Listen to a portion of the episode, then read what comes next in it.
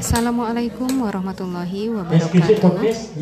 Selamat pagi anak-anak solih dan solihah.